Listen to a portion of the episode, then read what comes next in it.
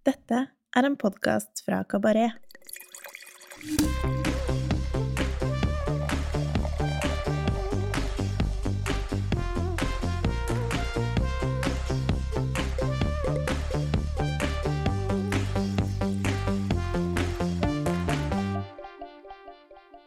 Hei, jeg heter Jørgen, og jeg er redaktør for kabaret.no. I denne episoden av Ukas vin så har vi med oss gjesten Jefferson Goldring, som er vinsjef på Barn Imperial og restauranten Tea Room i Oslo.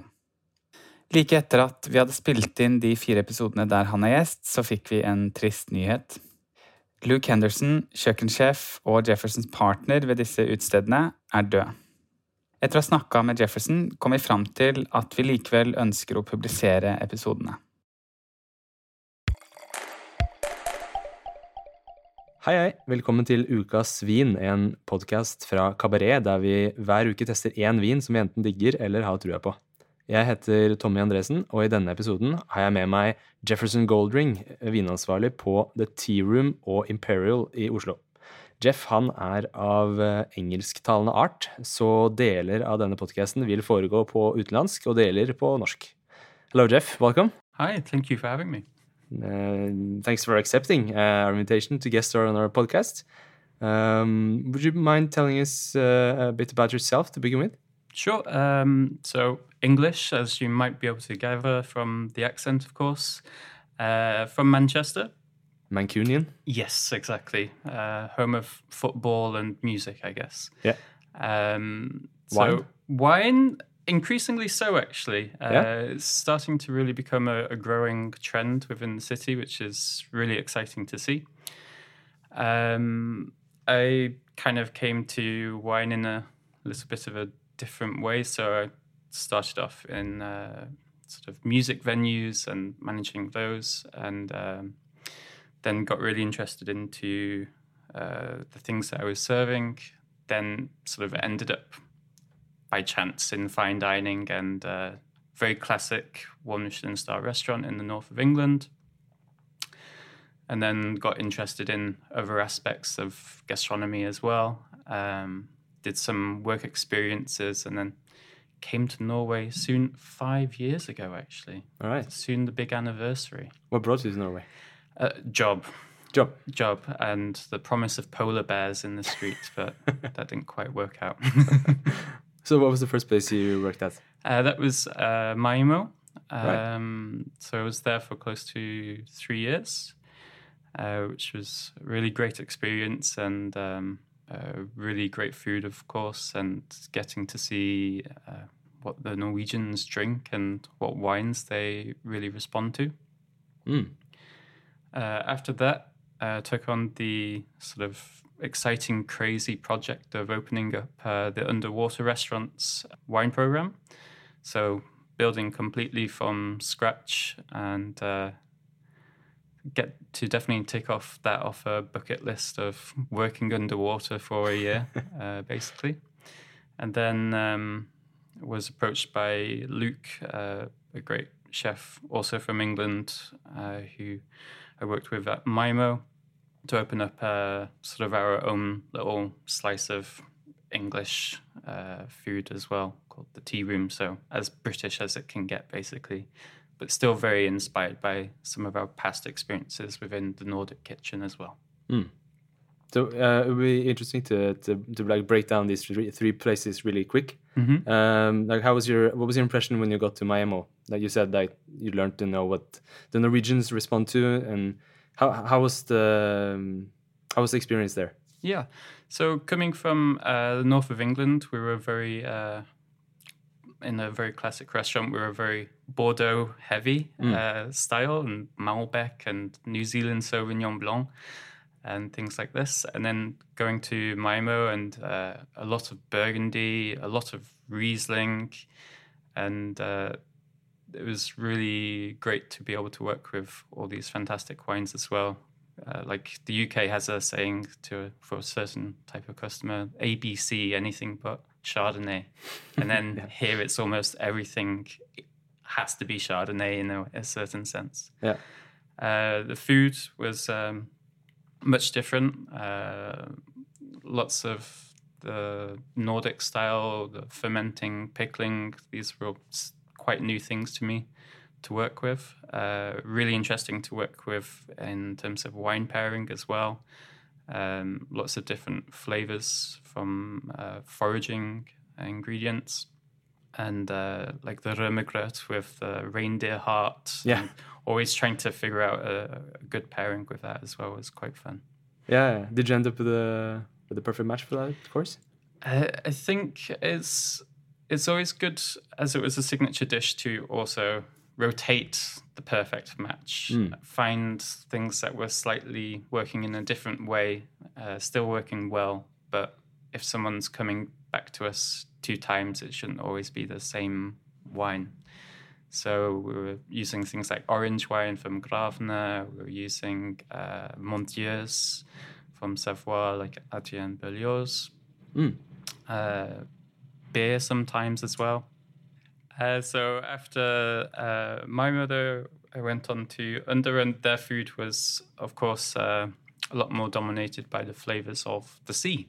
Yeah, and um, it was really great test of uh, sort of wine pairing capabilities as uh, working with a lot of different types of seaweed, and some of them have that more chlorophyll, iodine sort of notes, or some have that like the truffle seaweed as well, earthiness, um, as well as all these different shellfish and fish that I've never worked with before as well.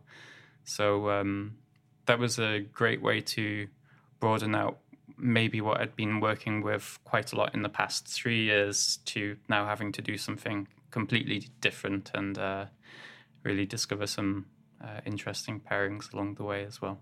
Mm. And now to uh, Tea Room, sort of a marrying of the, the two sides. So I still feel like I managed to represent uh, classic wines, wines that I think most people would easily enjoy and and uh, also maybe a little bit of a avant-garde side that crops in here or there uh, as well, which can work really well with the dishes that Luke manages to to create. Because mm. it feels it feels uh, kind of traditional British, but also like fine dining and also with like a Nordic touch, probably because of Luke's experience here in Norway. Yeah, yeah, exactly. Uh, there's definitely a, a freshness uh, to it as well, um, but still with the techniques and proper cooking as well. Uh, mm. Really treating produce in a nice way. So really great to work with Luke as well. Mm. Yeah.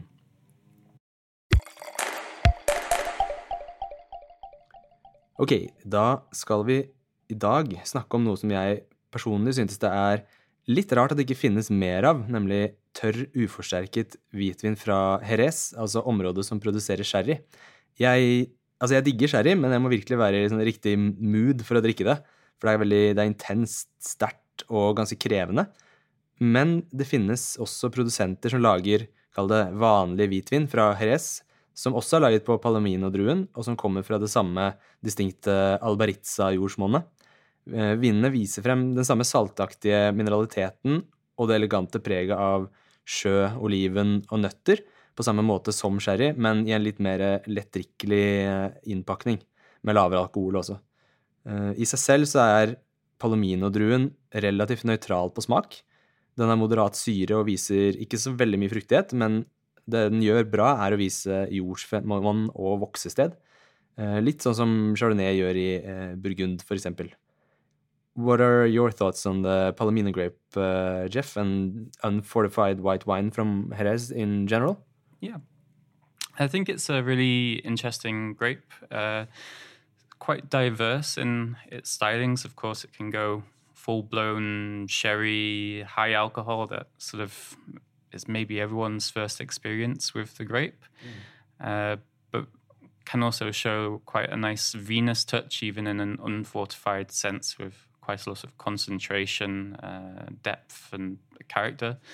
Um, the fruit profile as well is quite interesting to work with. With as you said, the the nuttiness, the uh, sort of salty iodine sort of notes to it as well, and uh, it's really a area uh, that's coming along quite nicely. Uh, there's quite a lot of interesting producers now uh, coming through and showing the capabilities of the area, and I think it really bodes well for the future of the region. It's not all about cream sherry for an old lady anymore. It's Mm. suddenly becoming something that's getting quite a lot of respect. Yeah, yeah, it's, it's interesting because, as you said, like you can produce super elegant, low alcohol, uh, like wines like the one we're um, tasting today, Univers from Muchada-Léclapart, which is, has like eleven and a half percent alcohol, and it's really, really elegant.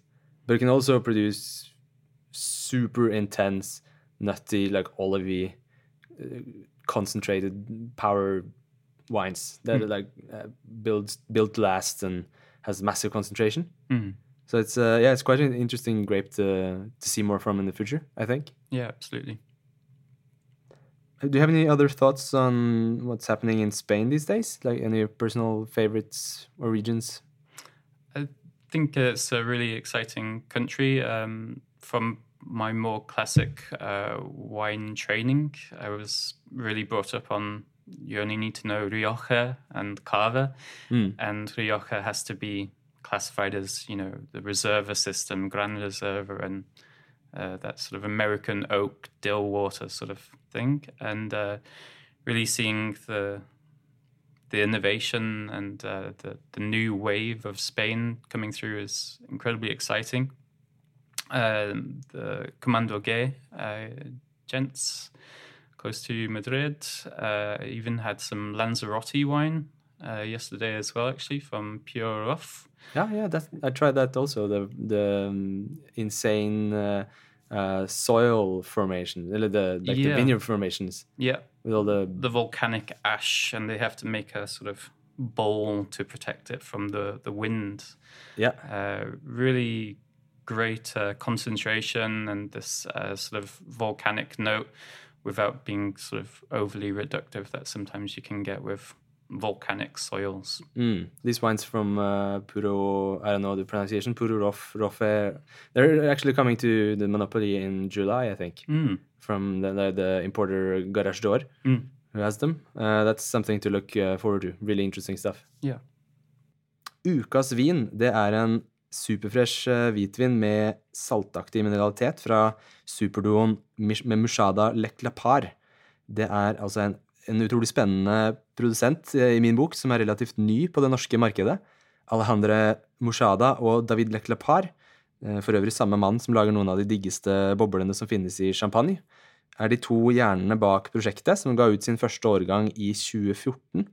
Sammen så lager de fantastiske viner laget på palomino, eh, og også litt muskat, som viser et naturlig og usminket uttrykk av druen og voksestedet, helt uten påvirkning av flår eller oksidativ modning.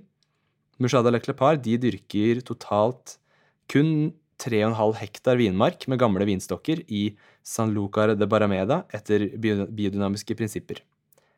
Vinmarkene består av tre ulike vestvendte parseller med veldig kort avstand til Atlanterhavet, noe som gir et eh, kjølig klima perfekt egnet til å lage friske hvitviner i noe som ellers er et eh, ganske varmt eh, område.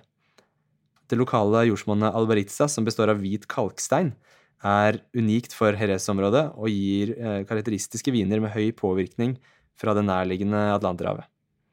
I kjelleren jobbes det med så lite innblanding som mulig, og vinene gjærer på en blanding av ståltanker og brukte fat. Vinene modner med bunnfallet og filtreres ikke. Svovel tilsettes kun i minimale mengder når det er nødvendig. Mushada Le Clepar de har eh, mottatt raust med lovord siden oppstarten, fra andre Jamie Good, Jancis Robinson og Luis Gutierrez. I Norge er tre av produsentens kuveer tilgjengelige per i dag. Innstegsvinen Univers, toppvinen Lumière, eh, som begge er laget på 100% palomino, samt Elixir, som er en miks av 80% palomino og 20% muskat. Kuveen Univers er biodynamisk dyrket, 20 og 60 år gamle vinstokker planta i det lokale jordsmonnet Albaritza, som består av hvit kalkstein, og Lustrios, som er mer leirholdig kalkstein. Druematerialet det kommer fra den 0,5 hektar store vinmarken Vinia la Platera Hoven i Pagoen Miraflores, Druene presses forsiktig over tre til fire timer før mosten spontanfermenteres på ståltanker og modnes i totalt ni måneder med bunnfallet før flasking. Vinen er ufiltrert og minimalt svovlet med 8 mg per liter. All right, Jefferson, let's have a taste. Great. Hei, det er Heidi fra nettbutikken vinskap.no her. Hos oss har vi lidenskap for vin, og derfor har vi laget en nettbutikk hvor du kan finne alt du måtte trenge for å dyrke din vininteresse. Hvis du ønsker å lære mer om vin, har vi gode bøker og masse annet læringsmateriell.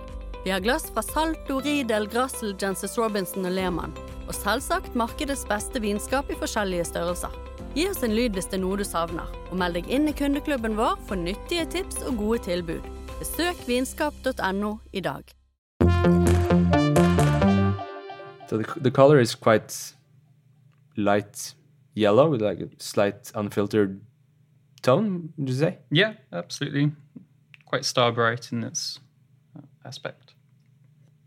Quite an interesting nose. Like there's a lot of stuff going on Yeah. that's not fruit. Yeah. yeah, I think the slight nutty, sort of green olive skin, salty. Yeah, it has like this feels kind of cliche, but like a sea breeze kind of smell to it. Mm. But it's also got like that citrus note that that, that brings it all together. That makes it like fresh. Also, Yep. It's like a wine that makes you. It demands some attention Yeah. to like to grasp it, like to get your head around it and figure out what what is what is this. Yeah. Like, what do we feel about the intensity? Like it's it's kind of intense, but still not. Yeah, I, th- I think it's uh, almost got the same sort of vinosity on the nose as uh, maybe some of those richer style champagnes do. Actually, I know there's the champagne uh, connection here, of course, Yeah, yeah, yeah with Léclapart. and uh, I think it's also one of those things where if you really search for something, you will find another thing constantly along the way. Mm. Yeah, because it's it's it's really complex, but in a elegant way. It's like Yep. it's it's mellow, but it's has a lot of different different notes. Mm. Like you have to dig a bit to to find them. Yep. But it, it's still really, I feel it's still approachable. Mm. It's not like uh, demanding in a in a like a difficult, No. not uh, appealing way. It's just it. Uh, if if you look for it, there's a lot of nuances. Absolutely. Yeah. Also, kind of like a is it like a rubbery? Could it be like a reductive note or Maybe grape. Uh, the variety? Yeah, I Yeah. think quite fresh, but still with body, even at a low alcohol level as well. Mm. Quite a rich mouthfeel, Mm. high acid. Yeah. Like the fruit, I feel the fruit is more uh, noticeable on the palate than than on the nose. Yeah. A bit more sort of golden apple, long finish, and a very textural wine. Yeah, absolutely. It's a lot, lot of stuff is happening around the texture. Mm. It's gotten an earthiness to it. That's I don't know. It's maybe like it's kind of chalky, but not not in the same way that champagnes are. I feel, but it's uh, what do you call it? Like more earthy, you know, in a way. Yep. But uh, really fresh and really fresh and enjoyable. And the price, uh, which is uh, three thirty nine ninety, I feel like that's a lot of wine for them for the money. Yeah, absolutely. And I think uh, quite a, a good utility wine as well. I think it can be used in quite a few different ways if you even just wanted to chill it down and enjoy, of course, but uh, Yeah. also quite food friendly. Mm. What's your uh, first thoughts on food pairings with this? Uh, obviously, maybe the seafood with that salty sea breeze. Uh, but I think you could also play around with the uh, accompaniments if you wanted to go on to um, vegetables like a Jerusalem artichoke with that slight nutty uh, character as well. Yeah. I think it can handle uh, a touch of butter, Yeah. of course, as well with its, its kind of richer texture. And uh, yeah, I think quite an interesting wine. Mm. It's quite different than the um, I had the other cuvee Elixir, which we you also had before. I Yeah. heard, Yep. and that's that's quite a different wine. Like the twenty percent of Muscat makes a really big difference in terms of aromatics. Yeah, quite a bit more florality to it as well Mm. from the Muscat, of course. Yeah. Yeah. Have you had their uh, top cuvée, the Lumière? Not yet. Uh, me too. One of these days. In the cellar, but like waiting to to pop it at the right moment. yeah.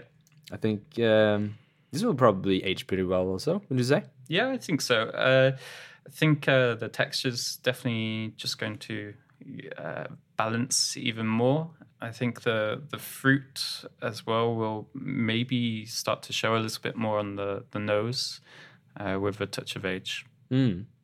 Probably be nice for like a short term, I don't know, maybe two to five years more. Yeah. Would be nice to, to have a go again. Yeah, But still quite uh, quite approachable today. Absolutely. No shaming drinking it now. No. All right, thanks for uh, being with us in this episode, Jeff. Thank you. Følg med i uh, neste episode. Da tester vi en glødende lys rød grenasje fra Languedoc. Jeff blir med oss videre. Adjø. Ha det. Husk at du finner info om vinen vi smaker på i episodeinfoen. Der finner du også en liste med produsentene vi nevner i episodene.